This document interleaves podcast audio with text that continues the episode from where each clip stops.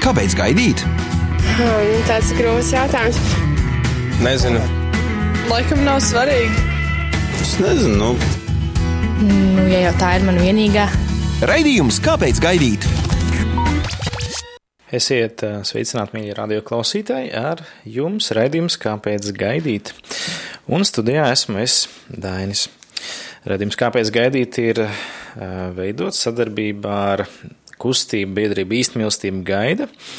Bet, protams, kad mēs nerunājam tikai par tēmām, kas saistīta ar gaidīšanu vai jauniešiem, bet arī, protams, runājam par tēmām, kas runā arī par laulāto attiecībām, attiec, attiecībām jau arī pēc laulībām, un, un vispār par mūsu personību, kas tiek ietekmēta dažādos veidos, kas palīdz vai traucē atkal veidot attiecības. Un tāpēc arī šodien runāsim par tēmu, kas ļoti ietekmē spēju veidot attiecības, spēju dot mīlestību un spēju saņemt mīlestību.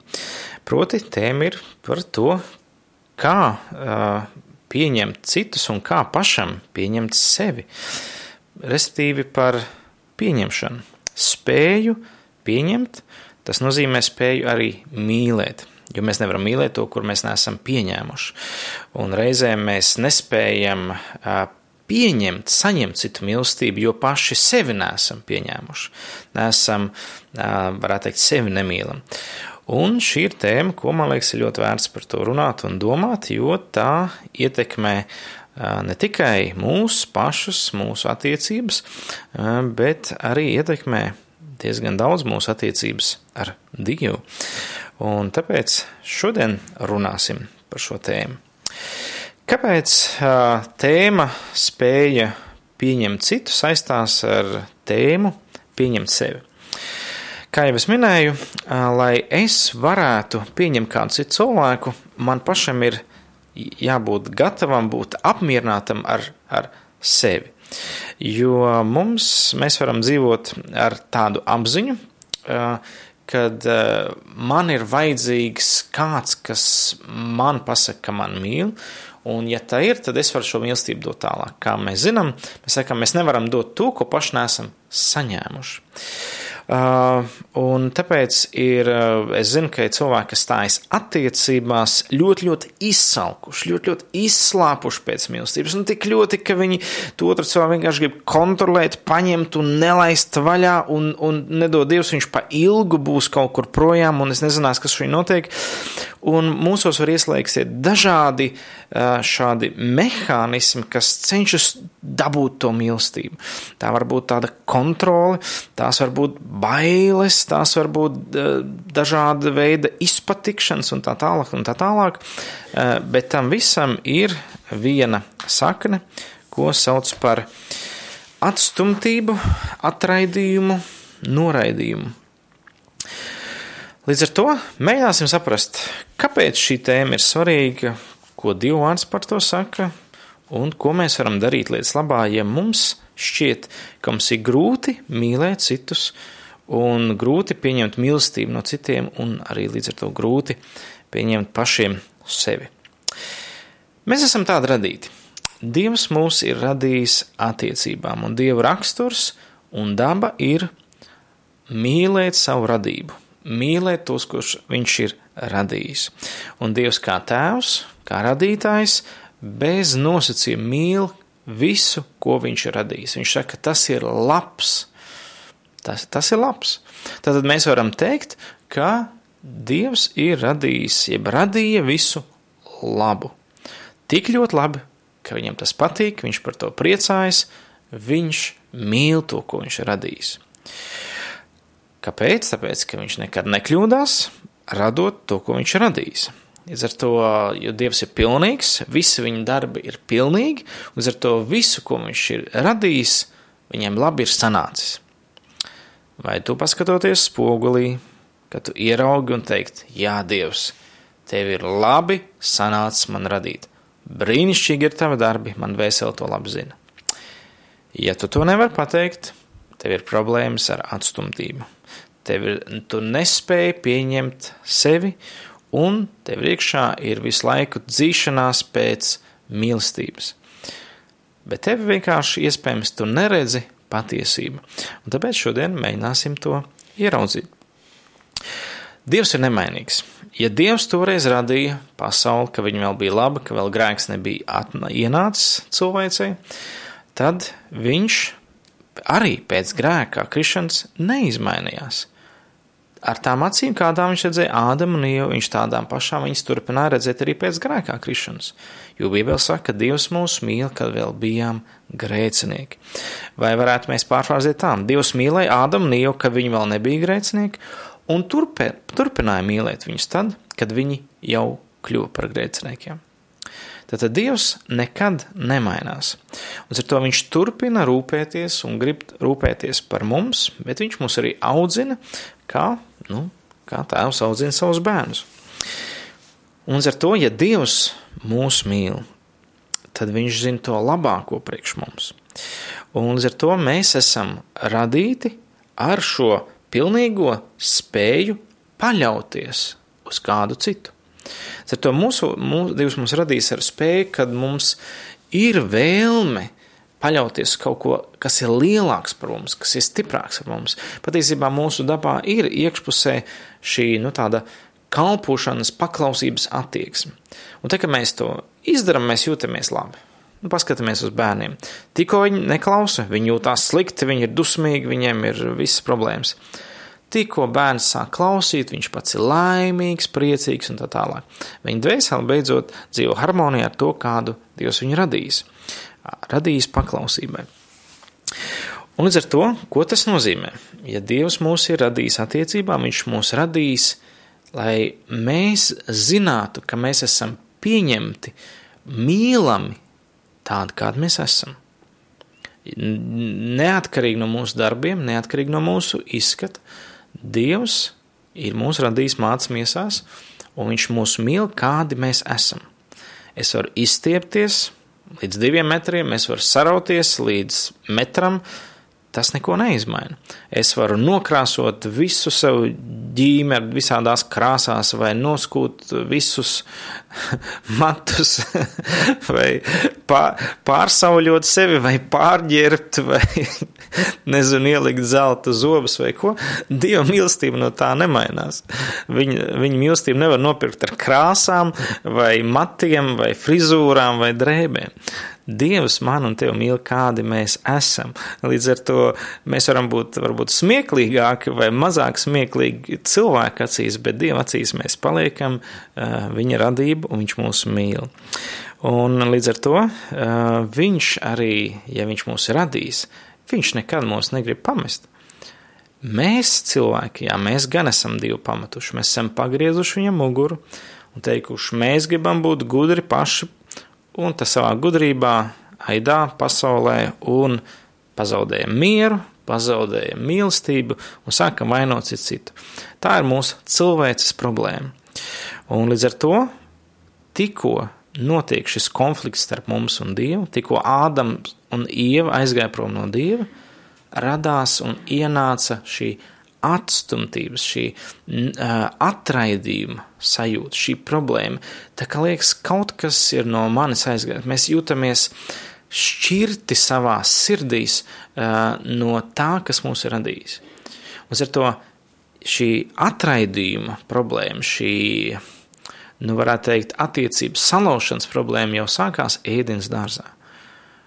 Un tā problēma turpinās visiem pēcnācējiem, visi, kas pēc Ādama un Ievas dzimuši, visi piedzimst kā atsvečināti savā sirdīs no Dieva. Tātad pazīstot savus vecākus, bet nepazīstot savu Dievu, mūsu garā, mūsu sirdī, mūsu sirds ir mūsu paša centrālā iekšējā būtība, mūsu, uh, nu, tas, kas mēs esam. Tur ir tukšums, tur ir sajūta, kad es neesmu pietiekami labs, es neesmu pietiekami vērtīgs, es neesmu pietiekami mīlams. Bet Dievs tik un tā mūs mīl, tāpat tāpēc, ka Viņš ir mūžīgs un nemainīgs, tas nozīmē, ka Viņš mūžīgi un nevain, nemainīgi mūs mīlēs. Jo kādreiz mums liekas tā, nonāksim debesīs, nu, tad mēs gan dabūsim no Dieva par visu, ko esam savārījuši. Tā nav patiesība. Dieva vārds saka, ka Viņš jau visu, ko esam savārījuši, Viņš ir visu sodi uzlicis uz Jēzu Kristu, uz savu dēlu, lai debesīs mēs kļūtu par tādiem, kas nav spējīgi sagrēkot. Ir teikts, ka mēs tiksim pārveidot viņa līdzībā, un viņš ir tas, kurš negrēko. Līdz ar to mēs būsim pilnīgi pārveidots būtnes, pilnīgi attīrīti, pilnīgi šķīstīti no jebkuras lielākā ļaunās domas. Tās līdz uz debesīm nenāks, tās ir jāatstāj šeit virs zemes. Un tas nozīmē, ka Dievs mūs pieņem, kādi mēs esam, neatkarīgi kā mēs uzvedamies. Un problēma mums ir turpinās tik ilgi, kamēr mēs uh, nenākam pie Dieva. Tad, lai mēs atrisinātu šī iekšējā mūsu problēma, mums ir jāpieņem Dievs tāds, kāds Viņš ir. Un tā ir mūsu problēma. Mēs bieži vien pieņemam Dievu tādu, kāds Viņš nemaz nav. Mēs domājam, ka, ka Dievs ir tāds, kurš mīl mūs ar konkrētiem nosacījumiem. Tad, tad Viņš mani pieņems, ja es būšu pareizs, labs, darīšu visas reliģiozās lietas. Jā, tad es Dievam patikšu, tad viņš mani mīlēs. Bībele tā nesaka. Bībele saka, ka es neko nevaru izdarīt, lai Dievs man mīlētu. Viņš vienkārši to dara, jo tā ir viņa daba un būtība. Bībele saka, ka Dievs ir mīlestība. Tas nozīmē, man jāpieņem to, ka Dievs man mīl neatkarīgi, kāds es esmu. Vai man šī mīlestība pieejama? Nē, viņa nav pieejama tik ilgi, kamēr es esmu savos grēkos, kamēr es esmu savā dumpībā, kamēr es esmu nošķirts no viņa. Un ko tad Dievs ir darījis? Ir teiks, ka Dievs tik ļoti mūs mīl, ka Viņš ir devis savu vienpiedzimušo dēlu, Jēzu Kristu, lai neviens, kas viņam tic, nepazustu, bet iegūtu mūžīgo dzīvību, iegūtu Dievu, iegūtu Dievu mīlestību, pieņemt, saņemt to. Un ar to Dievs ir nevis tas, kas mūs atstāja, ka mēs uzvedamies nepareizi vai noliek mūsu kaktā, bet Viņš nāk un pats mūs meklē. Tātad Dieva sirds ir pieņemoša sirds. Līdz ar to tikai tā, ka mēs sapratīsim, ka Dievs ir pieņemošs Dievs, Dievs, kas grib pieņemt, kas grib mīlēt, kas grib dot, jo Viņš mūs ir radījis un Viņš savādāk nespēja, tad mēs ieraugam, ka, hmm, varbūt tas ir Dievs, kuram es tiešām gribu atvērt savu sirdi. Tas ir Dievs, varbūt kā nevis kurš manā prātā ir radies, bet kurš sevi atklāja, ka viņš ir Dievs, kas ir bagāts žēlstībā. Un līdz ar to, lai mēs pieņemtu Dievu tāds, kāds viņš ir, mums ir jāatzīst, ka viņš mums ir vajadzīgs, ka bez viņa mēs nespējam. Bet te, kad mēs atstūmām Dievu, kad mēs kā cilvēks aizgājām prom, notika vairākas lietas ar mums cilvēkiem, ar mūsu dvēselēm, ar mūsu sirdīm. Varētu teikt, mēs piedzīvojām iekšēju nedrošību un mēs pazaudējām mieru. Es atceros, kad es 20 gadus dzīvoju bez ticības dievam, es laikam meklēju šo iekšējo mieru, kur viņu var atrast. Un, zini, kad tev nav miera, tu viņu meklē. Un tad visādi viltus mierinātāji, visādas cerības, ka nu, tad man būs kārtība, tad, kad es skolu pabeigšu, nē, tad, tad, kad es darbu dabūšu, nē, tad, kad es labu algu dabūšu, nē, nē, tad, kad es eh, attiecības atradīšu. Un, un mēs visu laiku liekam cerības, kad tas miers beidzot atnāks. Bet tad jāatgriež pie tā, kur tad mēs to mieru pazaudējām, kā cilvēks. Kur tad mēs viņu pazaudējam? Mēs viņu pazaudējam ēdenes dārzā. Mēs viņu pazaudējām caur grēku, caur nepaklausību. Līdz ar to, kas tad ir jādara, lai šo mieru atgūtu? Jāsāk atgriezties pie attiecībām ar Dievu un jāizdara izvēle. Es Dievs tagad tev sekošu, es tev tagad klausīšu, es gribu dzīvot saskaņā ar tavu gribu. Un Dievs visu to darīs, lai mēs atgrieztos. Jēzus Kristus dēļ. Jēzus Kristus ir nācis, lai par mums samaksāt, lai caur viņu mēs atgrieztos pie Dieva. Un kas, kas tad ir noticis vēl pēc šīs grēkā krišanas, ka šī atraidījuma sajūta ienāca mūsos, tad, tad mēs garīgi atsvešināmies no Dieva, un mēs pazaudējam pareizu sapratni, kāds ir Dievs. Un tāpēc romiešiem vēstulē 12. nodaļā teikts, atgriezīsimies pie viņa, jā, un, un atjaunosimies savā prātā, jeb savā domāšanā, lai mēs pareizi saprastu, kāda ir Dieva griba to, kas ir labs, tīkams un pilnīgs. Tad Dieva griba vienmēr ir laba, mums tīka, mums pilnīga. Mums vienmēr liekas, ka Dieva griba noteikti nebūs mums tīkama un nebūs laba. Nē, kad mēs viņu pieņemam un mēs viņu izpildām, viņa ir laba, pilnīga un tīkama. Un tāpēc ir ļoti svarīgi lūgt cilvēkiem otro pusīti no Dieva, jo tā kā Dievs dod, tad tas būs kaut kas labs, tīkams un pilnīgs. Un tad, kad mēs pazaudējam šo pareizi sapratni, kāds ir Dievs, mums radās pēkšņi idejas par to, ka mums jāpieņem Dievs, kāds viņš patiesībā nav. Un uh, nereti mēs ļoti skatāmies uz Dievu. Tā, it kā viņš būtu tāds kā mūsu vecāki. Tikpat nepilnīgs, tikpat varbūt uh, nepieņemošs, tikpat atraidošs vai tikpat nepazīstams, jo ir, ir kādi, kas mūs, mēs savus vecākus nepazīstam. Līdz ar to mēs piedzīvojām šo milzīgo um, nošķirtību no Dieva, un tas atnes mūsos vakumu, mīlestības vakumu, tukšumu, kas, kas, kas, kas ir radies, kad Dievs vairs nav mūsu dzīvē. Un, eh, bet mēs, kad atgriežamies pie viņa, mūsos Dievs sāk darboties. Viņš sāk mūsos darboties un uh, piepildīt to tukšumu.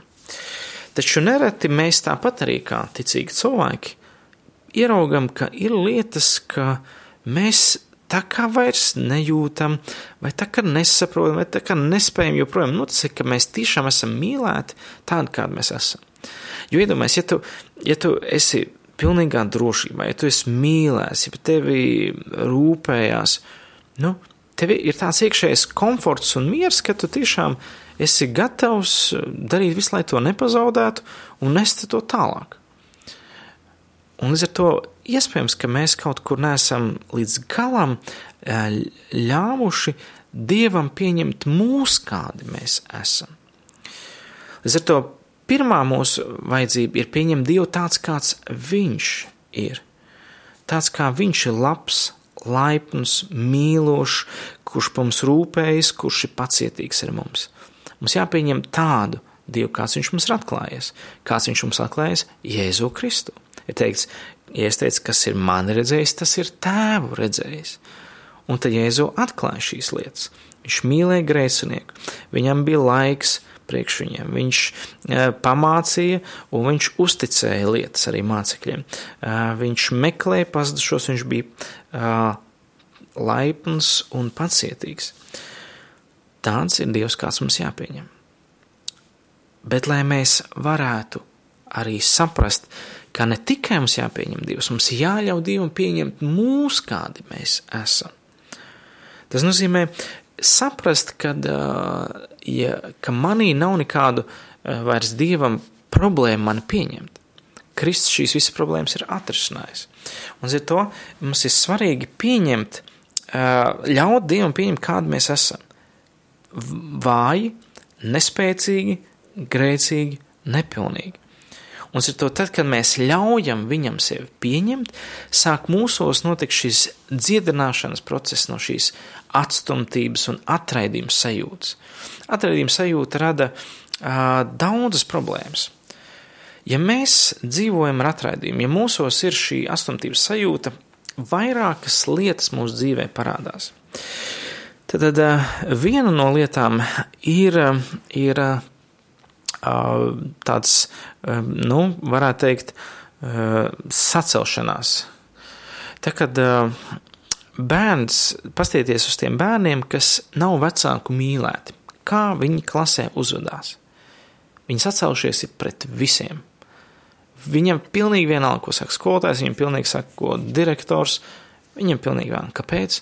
Tāpēc, ka viņā iekšpusē ir šī netaisnības sajūta, šī, ka viņš nav savu vecāku gribēts, un līdz ar to viņam ir varbūt šīs domas, es neesmu pietiekami mīlams, no manis nav nekādas jēgas, es neesmu svarīgs, es neesmu vajadzīgs, un attiecīgi viņš tā arī rīkojas.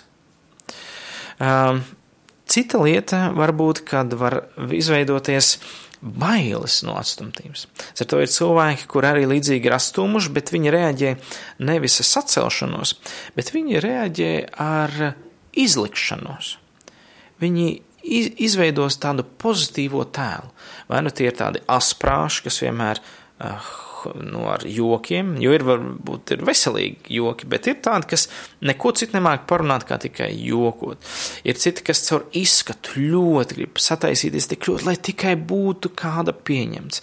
Kāds atkal kaut kā savādāk cenšas radīt sevī kaut ko, lai viņam būtu, nu, lai būtu kāds pamats, lai viņš būtu pieņemams, tīkams un tā tālāk.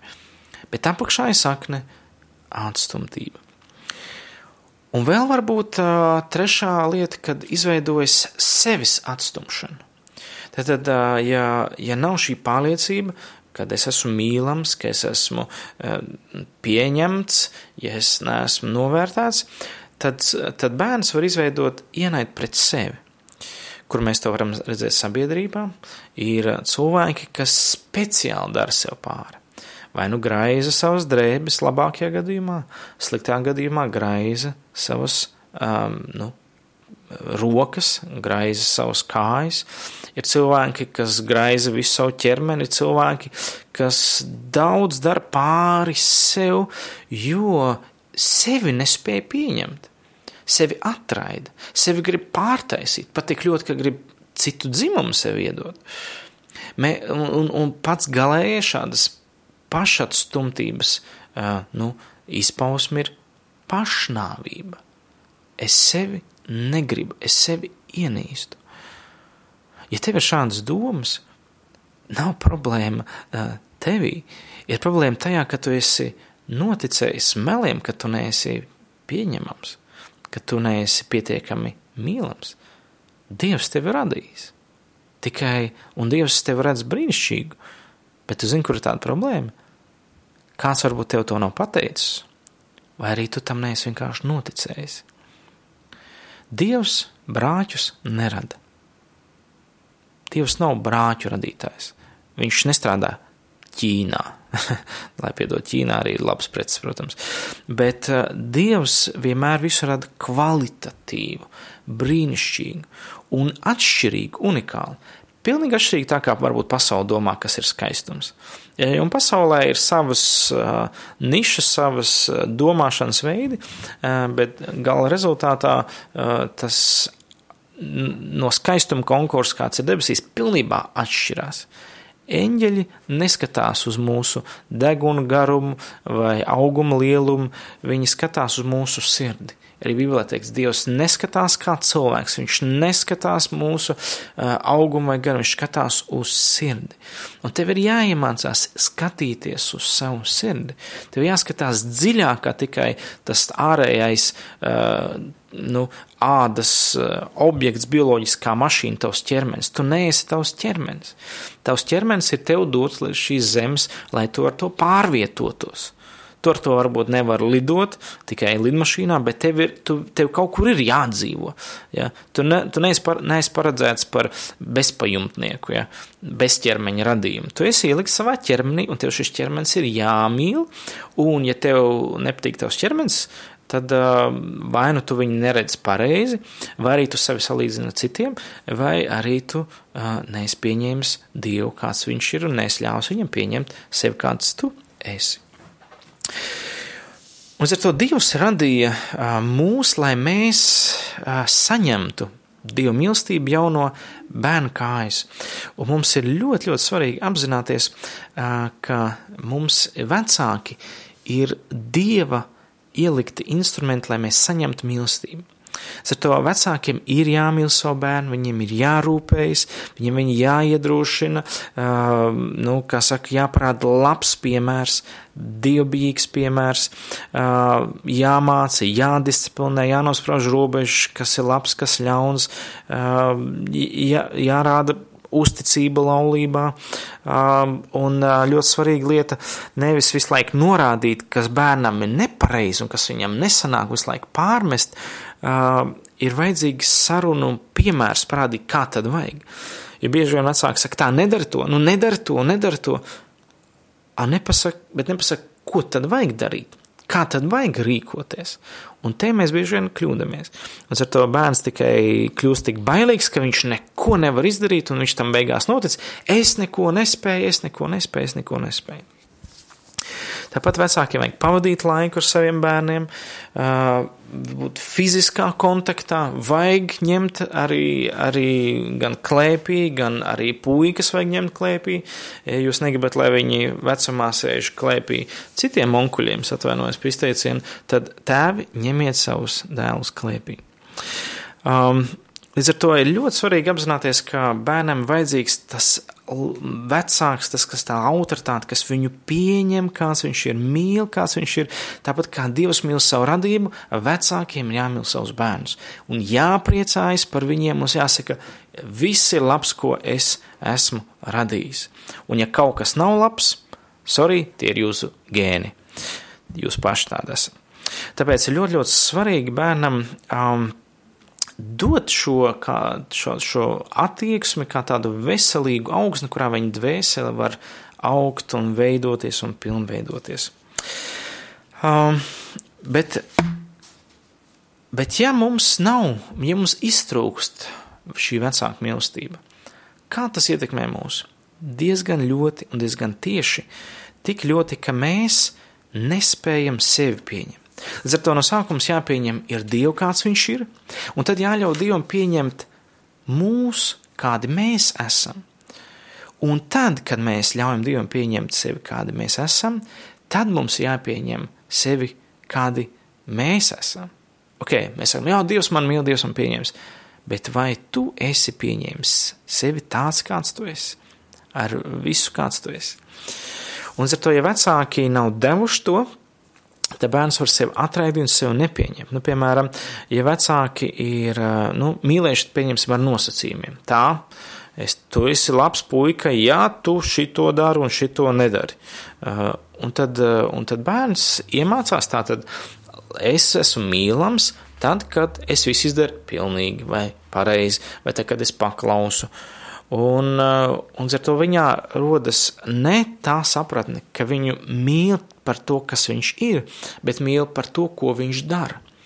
Un ar to viņš izaug vai nu noslēdz uz perfekcionismu, vai uz darīšanu, viņš nekad nevar atteikt nē, jo katra atteikšana nē nozīmē, ka te es tagad nebūšu mīlams, un viņam no tā bail un izveidojas šis saucamais aizsarga reakcija. Un cilvēki, kuriem bail pateikt nē, jeb atteikt, jautājums vai apakšā dziļumā, viņa motivācija nav bailes būt atstumtam un viņam vajadzīgi ir tātad sākt šos pirmos divus soļus. Pieņemt Dievu, kāds viņš ir, un ļaut Dievam pieņemt sevi, kāds es esmu. Un tad strādāt ar to, lai es varētu pieņemt sevi, kāds es esmu, kādu Dievs mani jau ir pieņēmis. Taču vēl papildus um, ne tikai vecāku iztrūkums un attieksme var ietekmēt sajūtu, ka es ne, nepilnīgs vai nevērtīgs.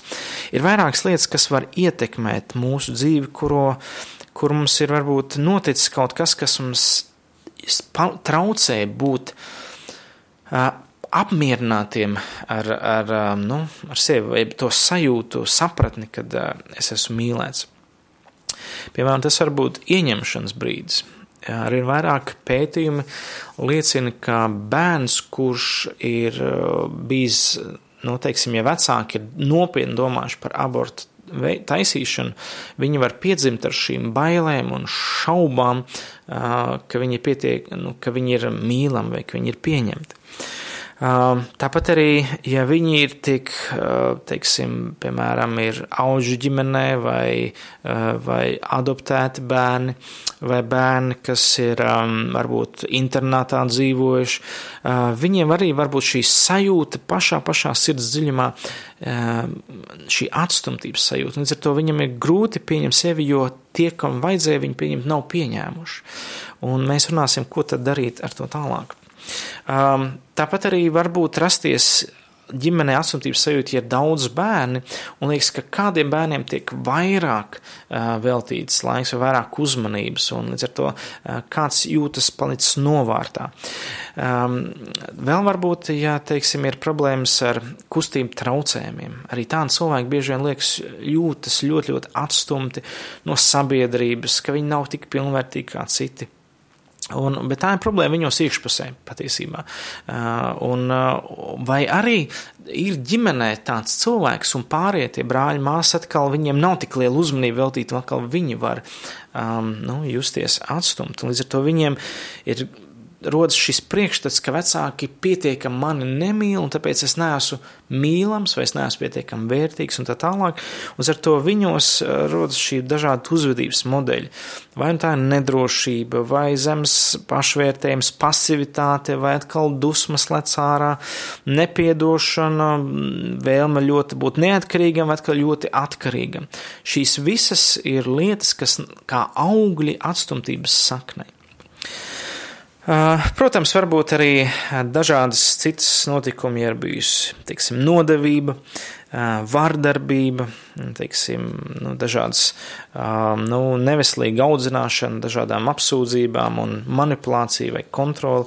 Šādiem bērniem var izveidoties ļoti, ļoti neveselīgs nu, priekšstats par sevi, un tāpēc ir grūti sevi pieņemt un noticēt, ka kāds mani tiešām mīl. Es zinu kādas sievietes, kas ir teikušas, ka viņas nu, nespēja nocēt, ka viņas ir skaistas un brīnišķīgas, un ka kāds viņās iemīlās, tad vai nu viņi net neticot viņam atsaka, vai arī aprecoties, visu laiku nu, nespēja noticēt, ka tiešām viņas mīl, un nespēja gan pieņemt to vīru mīlestību. Un tā kā šis vīrietis vairs nav viņa dzīvē, viņa saka, es vienkārši nespēju noticēt, ka viņš man mīlēja. Un ar to tā ir problēma. Ar to cenšanās iegūt šo, šo pieņemšanu vienkārši ar, ar, ar, ar varu, vai ar, ar darbiem, eh, vai ar kaut kādu sevi žēlošanu, nepalīdz. Ir, ir vajadzīga uh, dieva iejaukšanās. Ir vajad, lai mēs varētu pieņemt sevi un pieņemt citus, mums vajadzīgs ir sākt ar Dievu. Mums vajadzīgs sākt ar viņu pašu. Un uh, Kā tad mēs to darām? Mēs atzīstam, pirmkārt, problēmu. Man ir šī problēma. Man ir problēma, kad es sevi neesmu pieņēmis, vai es nespēju pieņemt citus, vai arī tas nereti ir tā, ja citi man nepieņem, tad viņi ir vainīgi, vai viņi ir tie sliktie. Es cik es esmu mīlams, es cik es esmu īpašs. Nu, tā ir cenšanās sev mēģināt pierādīt kaut ko, bet īstenībā sāp vienkārši, ka kāds man ir atstūms. Un ar to ir svarīgi uzdot pirmo jautājumu, vai es sevi gadījumā neesmu atstūmis, vai es sev pieņemu, kāds es esmu. Ja man ir grūti sev pieņemt, jautājums no kurienes? Varbūt tiešām ir kaut kas noticis tavā dzīvē, tavā pagātnē, kas tev ir radījis tādu priekšstatu, patiesībā nepatiesu priekšstatu, ka tu esi nemīlams. Jo, kā jūs minējāt, Dievs tev mīl, kāds tu esi, pat ja tu vēl esi grēcinieks. Līdz ar to problēma nav uh, dievā, problēma ir tajā, kā tu redz lietas. Un varbūt ir vajadzīgs piedot un beidzot atzīt šo patiesību. Jā, man, man liekas, ka tas ir ienācis no turienes. Un es to gaismā un piedot cilvēkam, vai vienalga, kas no kā tas nācis tēvs, māte, lai arī cik viņš būtu labs cilvēks, vai viņš būtu labākais, es nezinu, dieva vīrs vai dieva sieva. Bet, ja tu esi piedzīvojis šo atstumtību viņa aizņemtības dēļ, atzīst to, atzīsti, ka tev tas ir sāpēs, ka tas ir vienkārši tev pietrūcis, un šī patiesība darīs tev brīvu. Tāpat arī, vai ir kādas reakcijas, ko tu jūtot šo nepieņemšanu, ko tu esi darījis nepareizi? sev darījis pāri, citiem darījis pāri, tās lietas jāvajag nožēlot. Atzīst. Atzīst, vai ir kādas veidi, kā tu esi reaģējis uz atstumtību. Ja tev kāds atstumj vai pārmet kaut ko, kā tu reaģē? Ja tu uzbruc, tad tev ir iekšā aizsardzības mehānisms uzbrukums. Ja tu atkal salūst un pakļaujies viegli un kļūst ļoti pasīvs, tev ir atkal um, nu, šīs pasivitātes aizsargācība. Tu vienkārši ātri pakļaujies, un ar to tev būs viegli ar tevi manipulēt citiem cilvēkiem. Atzīst arī to un atsakies no tā. Tev ir tiesības pateikt nē jebkuram cilvēkam, kas mēģina tev uh, kaut ko teikt, kas nav saskaņā ar Dievu gribu. Un, uh, un tāpat arī tev jāapzinās, ka uh, tev kaut kas ir jādara lietas labā. Tas pats par sevi nenotiks. Tev ir jāatzīst šī patiesība, un šī vajadzība būtu pieņemta.